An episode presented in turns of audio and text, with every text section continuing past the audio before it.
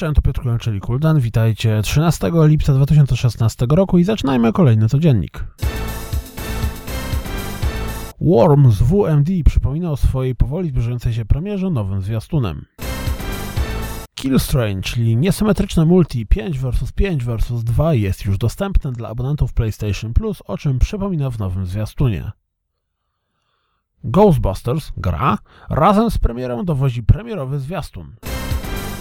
Songs of the Deep, czyli wyjątkowa gra od Insomniac Games, bo wymiarowa Metroidvania, premierowym zwiastunem przypomina o swojej premierze.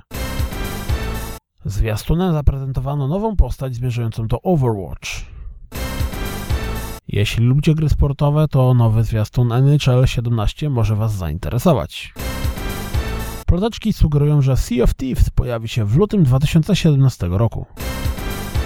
Ciekawostka Dropsa. Zarobki Pokémon Go dzielą się następująco. 30% trafia do Apple, 30% do Niantic, czyli twórców gry, 30% do Pokémona, a 10% do Nintendo.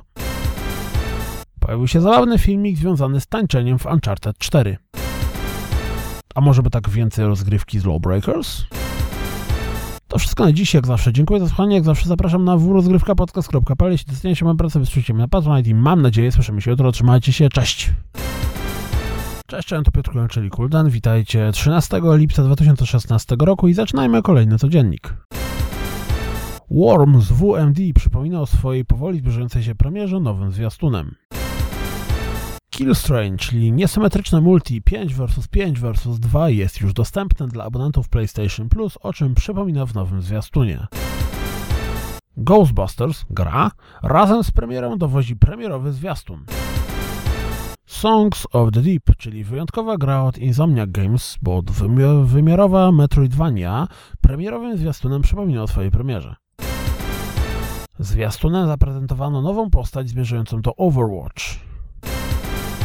Jeśli lubicie gry sportowe, to nowy zwiastun NHL 17 może Was zainteresować. Ploteczki sugerują, że Sea of Thieves pojawi się w lutym 2017 roku.